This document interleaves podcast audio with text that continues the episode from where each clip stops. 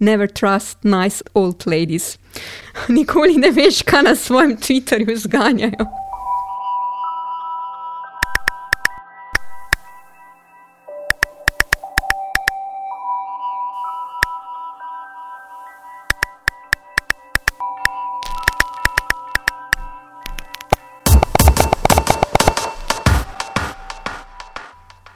Lepo pozdravljeni v počrtu podkastu, z vami sem Tato Polovec in to je naša 36. epizoda. Današnja epizoda je nekakšen epilog serije Lažne realnosti, ki smo jo objavili na začetku leta.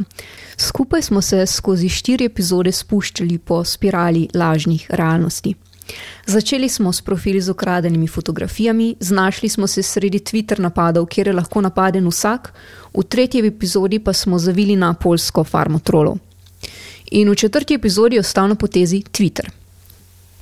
Naš namen je bil, da se vam z naslednjo epizodo in nekakšnim epilogom k pozimi objavljeni seriji oglasimo, ko bodo objavljeni podatki Twitterja o suspendiranih profilih v Sloveniji. Konec letošnjega oktobra smo se tako obrnili na Twitter, da bi preverili, ali bo objavljeno poročilo o Sloveniji, ki naj bi vsebovalo tudi podatke o suspendiranih profilih iz leta 2021.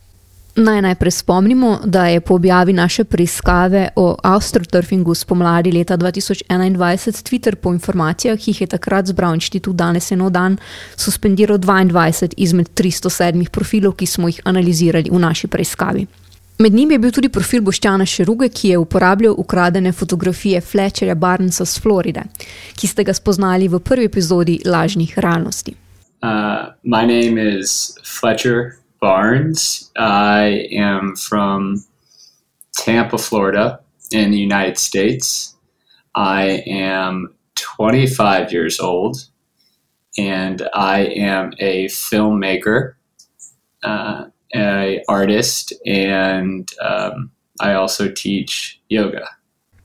S Twitterja so nam na našo poizvedbo letos oktober odgovorili, da so podatke o Sloveniji delili z raziskovalnim konzorcijem za moderiranje Twitterja, ki so ga septembra odprli za raziskovalce, nevladne organizacije in novinarje, ki raziskujejo spletne dezinformacije in moderacijo, ter da naj se prijavimo za pridobitev dostopa. Nekaj dni kasneje, 27. oktober 2022, je Elon Musk zaključil nakup podjetja Twitter in pričel odpuščati zaposlene, najprej vodilne. Teden kasneje je začel z odpuščanjem skoraj polovice od skupno 7500 zaposlenih, in zaradi masovnega odpuščanja je že bilo proti Twitterju vloženih več tožb. Dostop do konzorcija so nam na Twitterju odobrili v novembru in nam poslali v podpis pogodbo o uporabi podatkov. Pogodbo smo podpisali, vendar od Twitterja potem ni bilo več odgovora. Na več poslanih vprašanj, ali bo konzorcij še deloval, do začetka snemanja tega podcasta niso odgovorili z nobenega izmed naslovov. V mestnem času je dal na Twitterju odpoved tudi Joel Roth, nekdani vodja oddelka za zaupanje in varnost, kamor je spadala tudi vsebinska moderacija objav na Twitterju. Torej, po Rothovih besedah naj bi na vsebinski moderaciji delalo 2200 posameznic in posameznikov, vendar pa ne ve, kakšno je bilo njihovo število ob njegovem odhodu. Izsek je iz prvega intervjuja po njegovem odstopu, potekal pa je konec novembra na dogodku v organizaciji Fundacije Night z novinarko Karo Švicer. So, uh... What was the number? The number is about 2,200 people in all uh, who are working on content moderation you, and related. When you left, what was the number? You know, it's I couldn't tell you because our corporate directory had been turned off since the acquisition, and it was nearly impossible to actually know conclusively who was still left wow. at Twitter. It was that chaotic.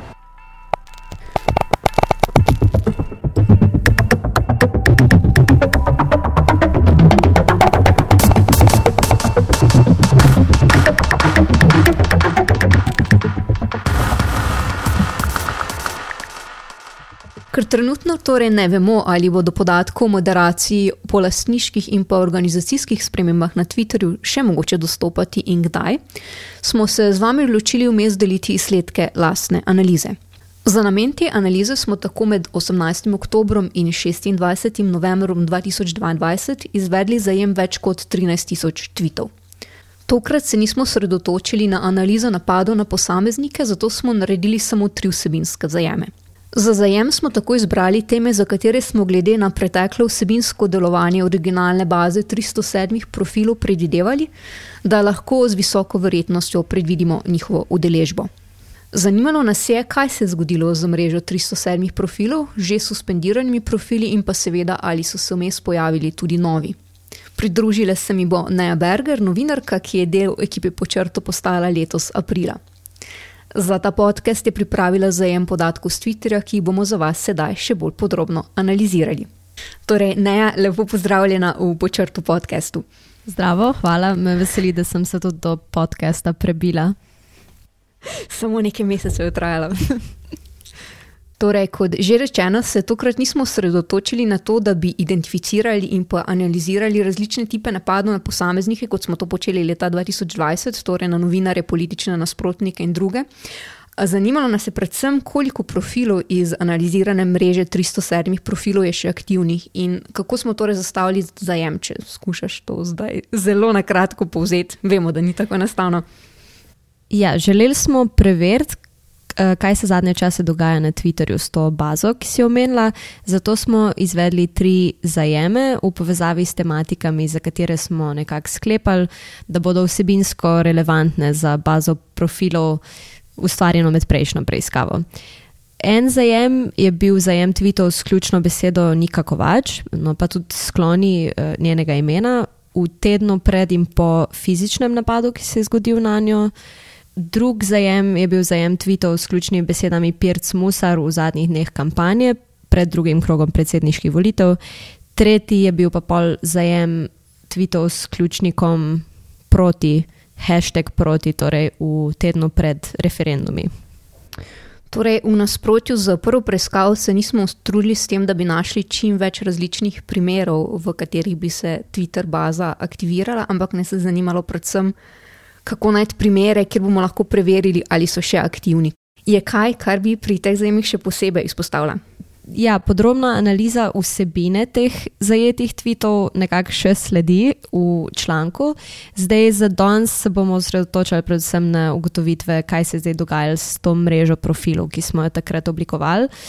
Ena stvar, ko pa bi jo mogoče izpostavila, da se mi je zdela zanimiva, je, da sem pri obeh uh, kampansko usmerjenih zajemih, torej za predsedniške volitve in um, referendume, že na prvi pogled opazila, da volilni mok ne velja glih na Twitterju. Torej, če povzamem naše ugotovitve, in tu bo zdaj nekaj številk. Iz te mreže 307 profilov, originalne mreže iz leta 2020, se v novih zajemih za vsaj eno objavo pojavi 155 profilov, to je torej dobra polovica. Zdaj, kaj se dogaja z ostalimi? Od tistih 152, ki se v naših zajemih ne pojavijo, je 29 suspendiranih, 17 izbrisanih, 25 pa v zadnjem času neaktivnih, potem imamo še 4, ki imajo zaklenjene objave, in pa 77 profilov, ki sicer so aktivni, ampak se v naših zajemih niso pojavili z objavo. Kar pomeni, da lahko rečemo, da je večina teh še aktivnih profilov izmed 307 v teh zajemih, ki smo jih naredili. Zdaj, ne, kaj bi rekla, kaj je bil pri pridobivanju teh podatkov in pa pri analizi največji izziv. Aha, največji. Mislim, so se kar pojavljali takšni drugačni izzivi, ampak predvsem povezan s tem tehnološkim vidikom. Torej, vprašanje, ko bi bil najboljši način za sklepanje oziroma zajemanje, če se bolj pravilno slovenski izrazim. Potem vprašanje, kako zdaj analizirati teh več kot ne vem. 10 tisoč zajetih tvitev, sicer 10 tisoč oziroma 13 tisoč približno tvitev smo imeli, to, to ni za nekoga, ki se ukvarja z obdelavo podatkov, zares velik, ne, to je v bistvu full mal. Ampak v podatkovnem novinarstvu, tako imenovanem, pa ponavadi delamo s veliko manjšimi bazami podatkov. Recimo v tej naši zadnji preiskavi o kulturnikih je imela največja baza približno 2000 samozaposlenih pa če delamo analize kakšnih podatkov za EDJ-net, ne vem, primerjamo recimo 27 držav EU. Ja, Tako da je, je bilo to več, kot sem jaz osebno navajena, ampak večina teh izzivov je bilo torej čist tehničnih in so bili tudi hitro rešljivi s Stack Overflowom. Potem so bili pa še te mal bolj vsebinski izzivi, torej ne moramo zdaj kar na ključno zajeti vseh slovenskih tvitev za en mesec, treba se je bilo odločiti, um, na kaj bi se bilo smiselno osredotočiti. Seveda ne moramo tudi zajeti sam tvitev te naše originalne mreže, ki smo imeli, zato ker nas je pa zanimalo tudi, če so se od prejšnje preiskave tej spletni debati recimo priključili novi profili. Ja, ker zanimalo nas je torej tudi, ali so se po letu 2020 pojavili novi Twitter profili, ki bi bili podobni tem, ki smo jih analizirali v prvotni preiskavi. Zdaj, zato smo pripravili to novo bazo, ki je v bistvu nastala iz interakcije z originalnimi 307 profili oziroma njihovimi nadomestnimi profili. Uh, lahko na kratko pojasniš, kako. Tu je mogoče pomembno izpostaviti tudi, da so določeni uporabniki iz naše mreže v času od prve preiskave spremenili uporabniško ime. 17 je bilo takih, od tega jih je 15 še aktivnih trenutno. Njihova najnovejša imena smo pa pridobili s pomočjo baze podatkov Marka Plahute, ki v okviru svoje baze v slovenskem Twitterju nekje od leta 2020 zajema praktično vse profile in seveda spremlja tudi spremembe uporabniških imen glede na Twitter ID. En izmed teh profilov, tako za zanimivost, um, ki smo ga izpostavili že v prejšnji preiskavi, je bil naprimer ta profil desničarka M ki se ga bodo mogoče poslušalke in poslušalci spomnili potem, da je uporabljal ukradene fotografije, tvital med drugim tudi rasistično vsebino in napadal politične nasprotnike SDS. Tvite tega profila je pa tudi enajstkrat delil Janez Janša. Torej, po naši preiskavi je ta profil desničarka M dvakrat spremenil uporabniško ime in sicer v White Woman in na zadnje v vedno direkt. Je pa ta profil vedno direkt trenutno suspendiran. To omenjam zato, ker smo v tisti originalni bazi 307 profilov seveda popravili na najnovejše profile, tiste, ki so spremenili uporabniško ime. Smo pa dodali tudi ene par relevantnih profilov, kot so um, stranka SDS profil, pa požar report, naprimer. In potem smo analizirali, kateri uh, profili v teh zajemih so imeli interakcije s to bazo 307, plus nekaj dodanih profilov. Kot interakcijo smo upoštevali retweet, odgovor ali pa omembo drugega profila.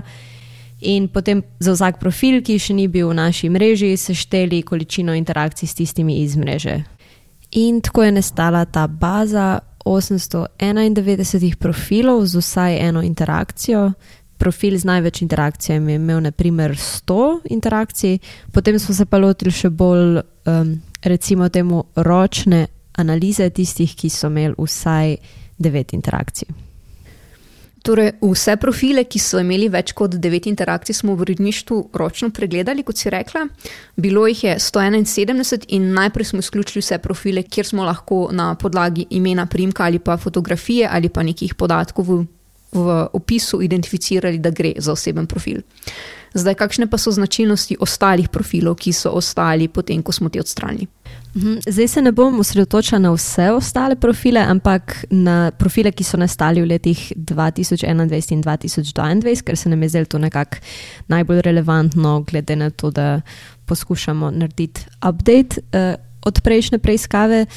Torej, takih je pa pol sam okoli 60 in med njimi je bilo okoli 10 profilov, ki so bili podpisani z imenom in primkom, pri katerih pa obstaja dvom, da gre za resnično osebo s takim imenom in primkom, ker naprimer nima nikakršne spletne prezence, drugačne ta oseba ali pa jo ima in se ne ujema s Twitter profilom ali pa glede na surs oseba s takšnim imenom in primkom sploh ne obstaja v Sloveniji. Zanimivo je, da smo našli samo en profil, kjer smo lahko nekako s pomočjo slikovnega iskanja oziroma reverse image searcha dokazali, da res zagotovo uporablja ukradeno fotografijo. Večina teh omenjenih profilov, ki navajajo imen in priimek, za katerega dvomimo, da predstavlja resnično osebo, ki so bili ustvarjeni torej v letih 2021 in 2022, ali nima fotografije profila ali pa uporablja neke bolj simbolne fotografije ali pa fotografije, na katerih obraz ni prepoznaven, je samo del obraza in podobno.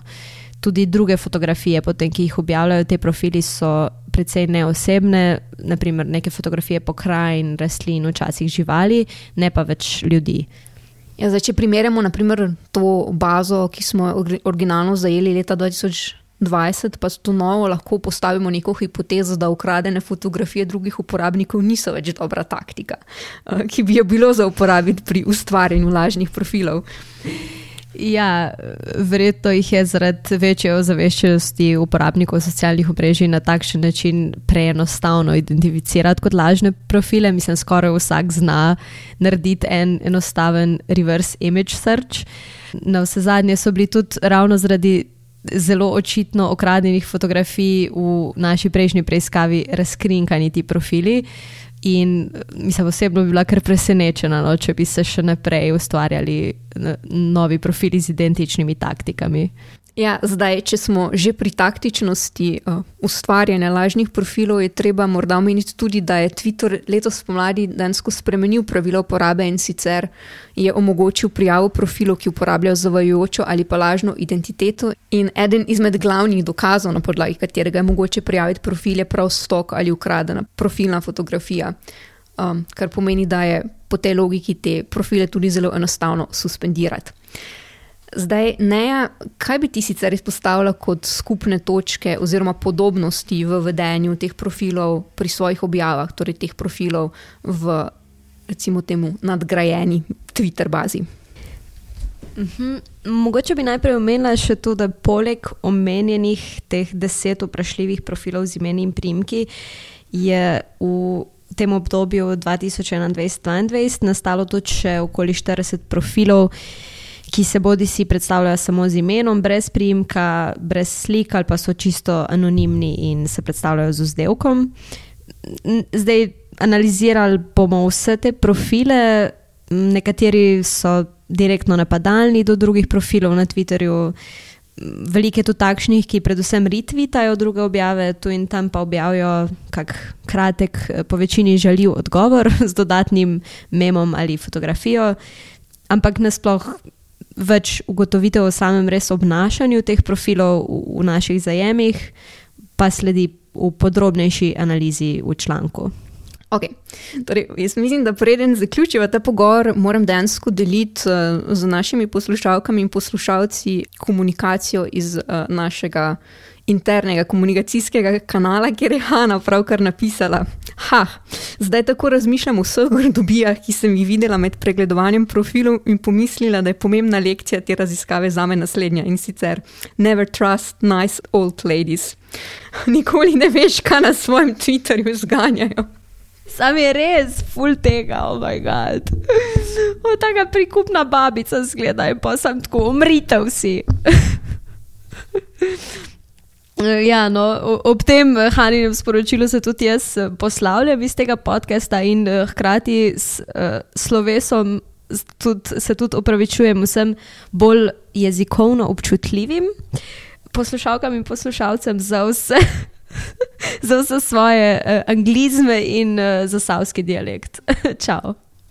Ja, moram reči, že res nehvaležna tema za uh, govoriti o njej brez anglizmov. Uh, hvala, Neja. Hvala tebi.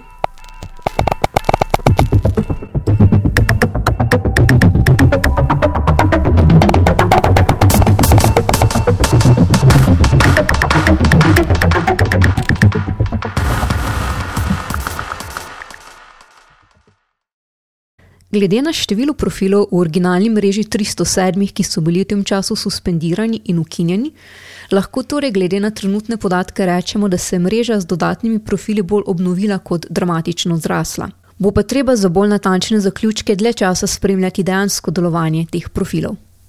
Prav tako ni zanemariti, da Twitter pod novim vodstvom spreminja pravila uporabe. Med drugim so že napovedali, da bodo suspendiranim profilom omogočili ponovno delovanje. Do tega trenutka med suspendiranimi profili iz naše baze nismo zasledili tega pojava, vendar pa bomo spremljali, kaj se bo dogajalo skozi čas. Prav v trenutku, ko snemamo ta podcast, se naj bi po poročanju medijev že dogajala masovna reaktivacija suspendiranih profilov na Twitterju. Konec novembra je namreč Elon Musk napovedal splošno amnestijo profilov, ki so bili v preteklosti suspendirani zaradi kršenja pravil Twitterja. Globalno gledano lahko gotovo govorimo o velikem številu suspendiranih profilov, ki bi bili lahko na ta način ponovno aktivirani. Naprimer, v četrti epizodi Lažnih realnosti smo govorili o primeru Srbije, kjer so spomladi 2020 sneli mrežo 8500 profilov, ki so objavljali vsebine v podporu Aleksandru Vučiću in njegovi stranki. In to je samo en primer takšne mreže.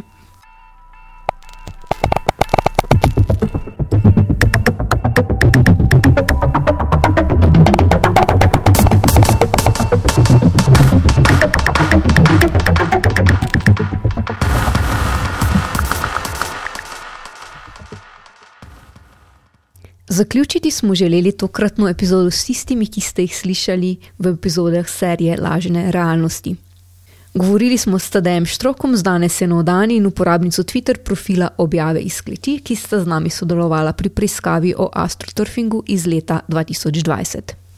Ja, mislim, na Twitterju seveda še vedno preživim veliko časa, tako da redno spremljam, če opazim kaj zanimivega, ampak nekih drastičnih premikov načeloma nisem opazil. No. Govorite, da je štrok z inštituta, danes je nov dan.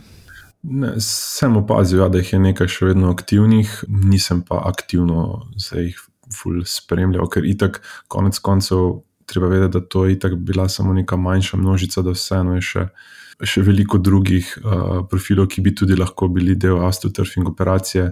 Tako da je malo škoda časa in živcev, konec koncev, uh, za te stvari. Zanimalo nas je, kako na njega kot uporabnika Twitterja vplivajo trenutne spremembe. E, ja, mislim, meni je ta zgodba za spremembo lasništva precej žalostna. Pač to, kar se dogaja, se mi zdi um, otročjeno, uh, infantilno. Um, bi si želel, bolj, uh, da se ljudje morda malo tega malo bolj zavedajo, kako pomembni so um, digitalni uh, skupnostni prostori, kar naj bi Twitter bil, čeprav ni zares uh, skupnost, skupnostni prostor v pravem smislu, ne, kot vidimo sedaj, ker je. Mislim, da je že bil, že bil že prej pri, privaten, ampak sedaj pa pride to še toliko bolj do izraza. Tako da bi si želel videti nek razmislek oziroma premik, ki se je sicer do neke mere začel dogajati, ne recimo s tem uh, Mastodonom, ki je odprtokodna rešitev, ki ima drugačen pristop do, uh, do razumevanja, kaj, kaj bi naj takšna spletna orodja eh, oziroma protokoli sploh pomenili in kakšno odgovornost imajo do družbe in kako jih regulirati. Bi si želel več tega, ja. um, ampak nažalost Twitter danes takšen kot je in v kakšnega se bo verjetno še spremenil, se mi zdi, da bo marsikoga tudi na koncu odvrnil. Twitter definitivno ni neka, neka agora, kjer ljudje um, svoje modre misli izmenjujejo v nekem kulturnem okolju, daleč od tega, ne pač gre predvsem za uh, algoritemsko, oziroma gre predvsem za neko uh, izražanje, ki temelji na, na tej na narcisoidni težnji po iskanju pozornosti, ki jo ti algoritmi uh, in mehanizmi Twitterja, seveda, pridno, pridno nagrajujejo, in pa potem. Da perpetuira to kulturo zgražanja, in napadanja, in, uh, in sovraženja, in kritiziranja, ki se mi ne zdi, da je dejansko neka produktivna sila v svetu. Medtem ko tedaj ostaja uporabnik na Twitterju, je uporabnica profila objave iz kleti tega vmes nehala uporabljati. V bistvu je že zadnje pol leta, ali pa še celo več, bil to nek plan, da ko so volitve mimo, da se tudi ta zgodba, vsaj za mene, konča. Sem se zelo, zelo veselila tega, ker je bilo že precej naporno se ukvarjati s tem, po pravici povedano. In sem imela v bistvu vse čas ta plan, da po volitvah nekako zaključim to zgodbo, vsaj z moje strani. No. Tisto obdobje, res zadnje pol leta, je bilo zelo naporno to delati po toliko časa, brati te objave. Vprašali smo jo, ali je kdaj obžalovala, da se je takrat med pandemijo sploh lotila tega projekta in ustvarila profil objave iz kleti.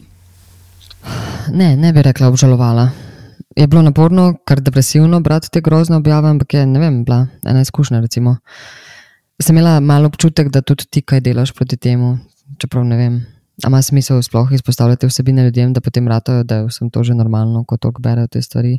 To je bil en izmed pomislekov, da sem z tega vidika malo obžalovala. Profil objave iz kleti je torej aktivno nehala uporabljati letos aprila. Enkrat po tistem sem se samo še logirala na to profil, čisto iz radovednosti je bilo nekaj sporočil, ampak nič tak, so mi kako objavo poslali, ampak razen tega pa ne. Nisem niti pričakovala, da se ne bom več nikoli, sem pričakovala, da se bom morda še tu pa tam, ampak nekako se z veseljem več ne logiram not. Zdaj nekako je ostalo to zaprto za mene in služi bolj kot opomin na neko drugo obdobje. In tudi nima smisla, vse meni se zdi, da nima smisla v tej situaciji nadaljevati s tem profilom, vse za zdaj. Se mi zdi kot nek virtualen spomenik na neko preteklo obdobje, v opomin. Twitter torej uporablja samo še občasno. Zdaj niti ne followam nobenih politikov, nobenih političnih vsebin, se mi zdi, da je mnogo bolj prijetno. No? Bolj v smislu, da preverim, kakšne ljudi, čist tak pop kultura, fora, kakšne gravce na to foro, novice. Nič aktivno, nisem aktivno udeležena. Seveda zdaj še vedno obstajajo, ampak če se samo odločiš, da se nekam izogibaš tega, je veliko bolj prijetno.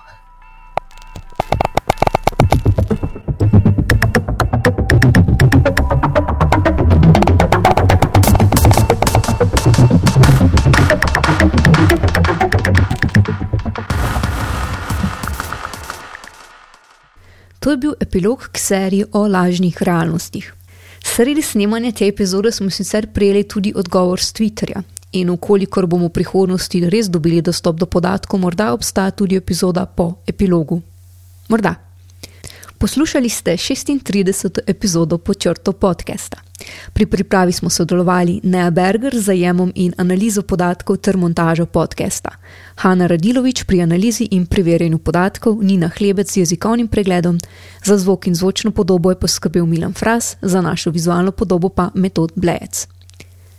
Zahvaljujemo se vsem našim sogovornikom in Marku Plahuti, ki nam je na podlagi svoje baze slovenskega Twitterja pomagal najti podatke o profilih, ki so vmes spremenili uporabniška imena.